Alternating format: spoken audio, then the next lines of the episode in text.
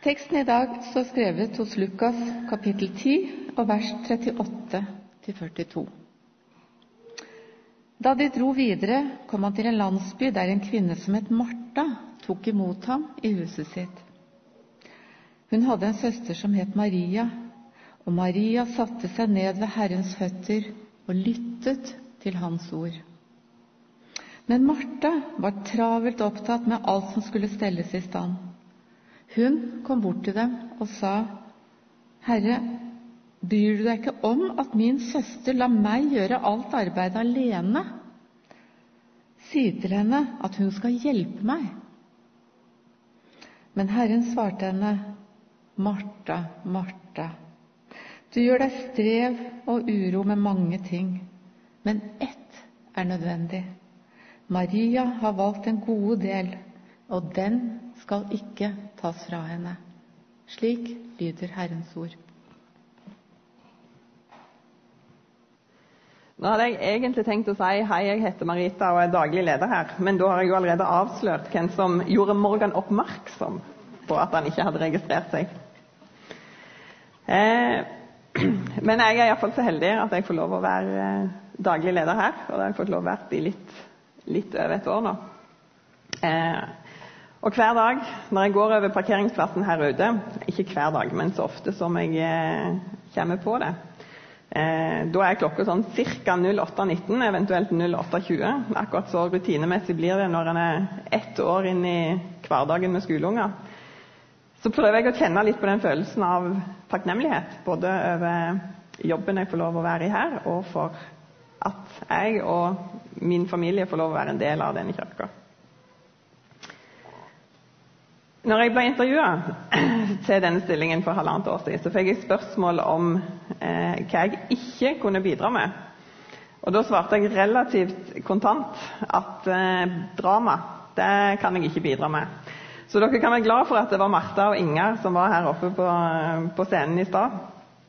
Eh, men i disse koronatider så gjør en jo så mye en ikke kan, og som en ikke hadde tenkt en skulle gjøre. Så jeg, jeg, bør ikke spille drama, jeg bør ikke synge. Og dere kan være glad for at det er et bilde og ikke en video. Eh, så i tilfelle bare sånn koronaen slår ut all sunn fornuft, så vil jeg allerede nå bare si unnskyld i tilfelle dere ser meg i et dramastykke der oppe, eller at jeg synger. Men så over til teksten.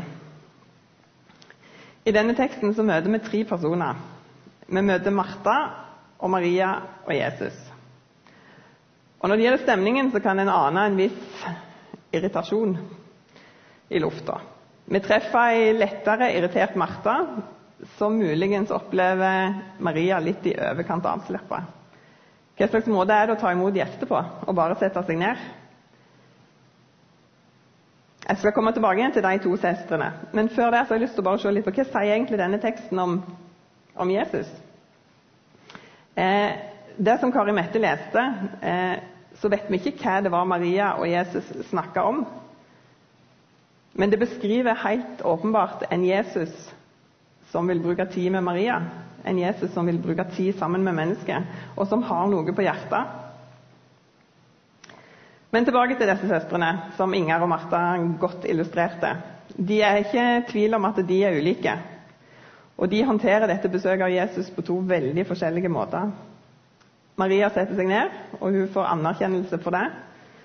Og Martha sørger for den praktiske tilretteleggingen.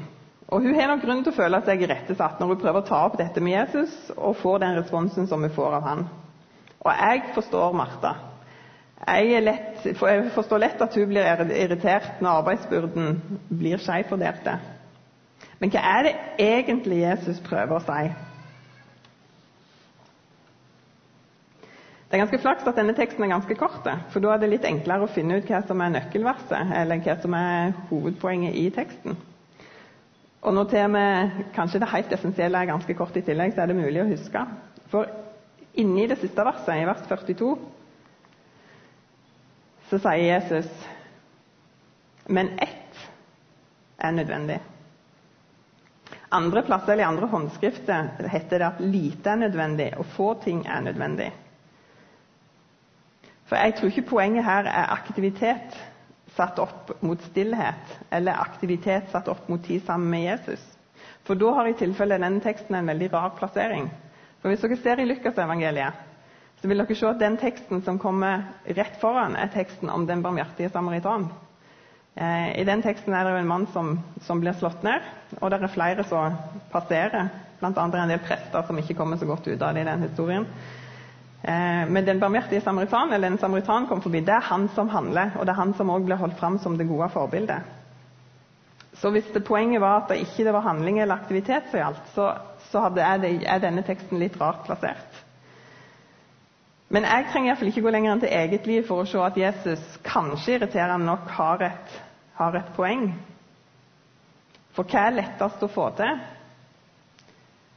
Aktivitet eller stillhet? Aktivitet eller tid med Gud?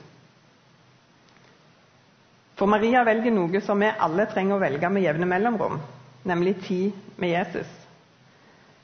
For Jesus har noe han vil si oss. Og det er ikke så lett å høre når en er i konstant aktivitet. Jeg var student i Bergen for en god del år siden.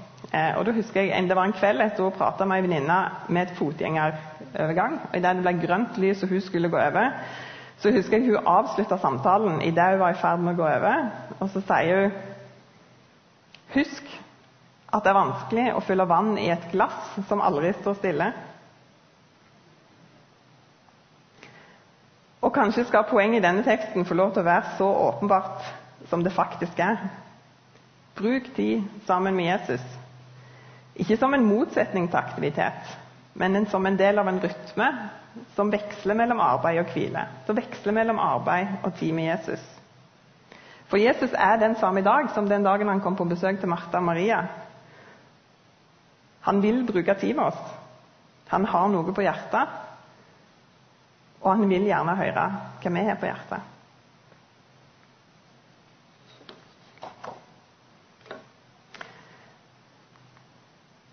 Men hva vil det si å bruke tid med Jesus, da? Jeg liker å passe på at sånne fraser og begrep har et forståelig innhold.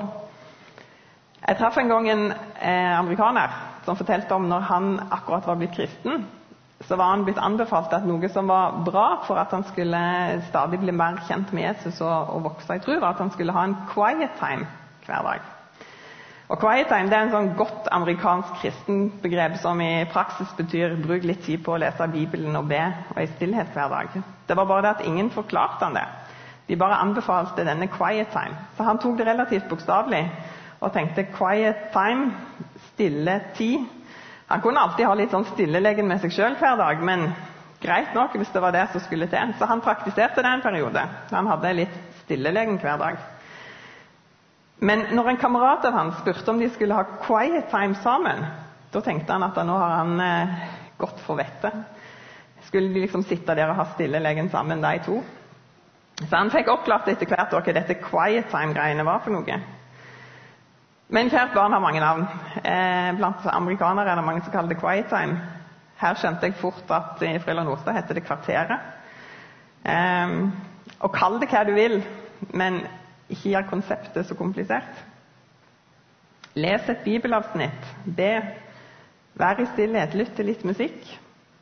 Gjør en eller annen kombinasjon av dette over tid, og se hva som skjer.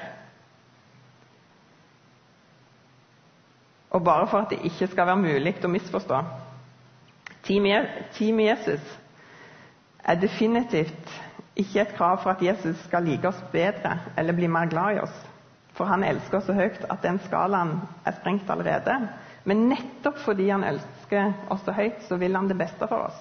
Og det betyr òg tid sammen med han. Jeg har mange ganger tenkt at Jesus holder en knapp på Maria foran Martha. Det er jo tross alt Maria som får det skussmålet at hun har valgt en gode del. Men så oppdager jeg for noen år siden et vers som står i Johannes 11. Der står det Jesus var glad i Martha og hennes søster og Lasarus. Det er en liten detalj, men her er faktisk ikke Maria nevnt med navn engang. Men det står helt svart på hvitt Jesus var glad i Martha. Og tid med Jesus er ikke et 'dette må du' med en løfta pekefinger. Men heller et 'dette vil gjøre noe med deg og de du har rundt deg', som er av varig verdi. Noe som er av varig verdi ikke bare for deg sjøl, men òg for de du er i kontakt med.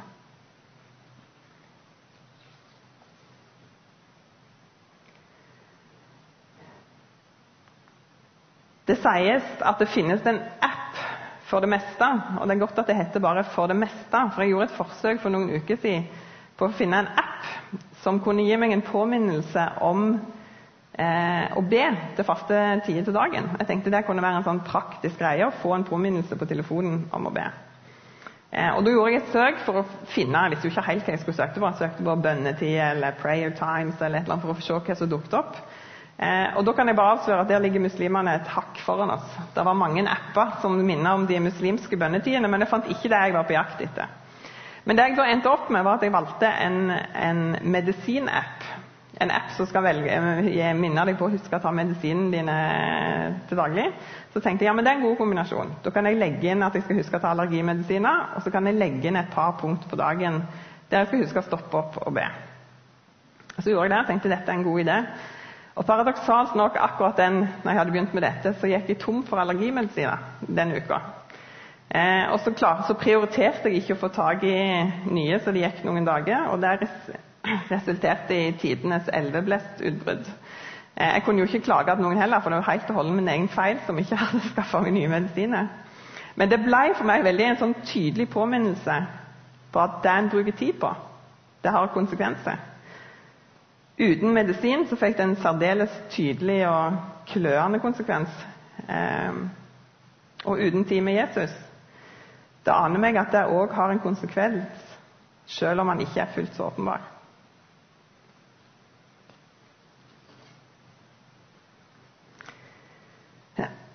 Det er mye en kan jobbe med i denne verden. Og En av de tingene som jeg hadde i min tidligere jobb, var at jeg jobba med tilskudd til turistforeningshytter. Det var en del av jobben min som jeg likte veldig godt, for jeg var mye i kontakt med mye flotte og engasjerte folk i hele landet.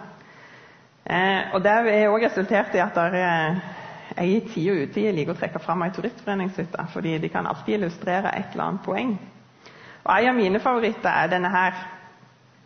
Eh, den ligger helt innerst i Sognefjorden og kan absolutt anbefales et besøk for de som ikke har vært der. Den heter Fuglesek. Den er i dag ei turistforeningshytte, men den har tidligere vært to gårdsbruk. Og det heter om han som bygde den, Sylfest Ormeli, at han i fem år bar stein til tunet før han fortalte kona si om byggeplanene. Jeg vet ikke om det er en anbefalt strategi, men det ble iallfall hus av det. Og dette huset er 15 meter langt og 8 meter bredt. Og så har det en sånn koronavennlig tjukkelse på muren, for muren er 1 meter tjukke. Eh, og det er virkelig stein på stein. Og det er liten tvil om at det som var om at Sylfest Ormeli sitt daglige valg førte til et varig avtrykk i denne verden. Og våre daglige valg fører òg til noen avtrykk, enten vi vil eller ei. Og det er en sjanse for at valget om å bruke tid med Jesus vil ha noen langtidsvirkninger og vil sette noen varige avtrykk. Både for deg sjøl og for andre.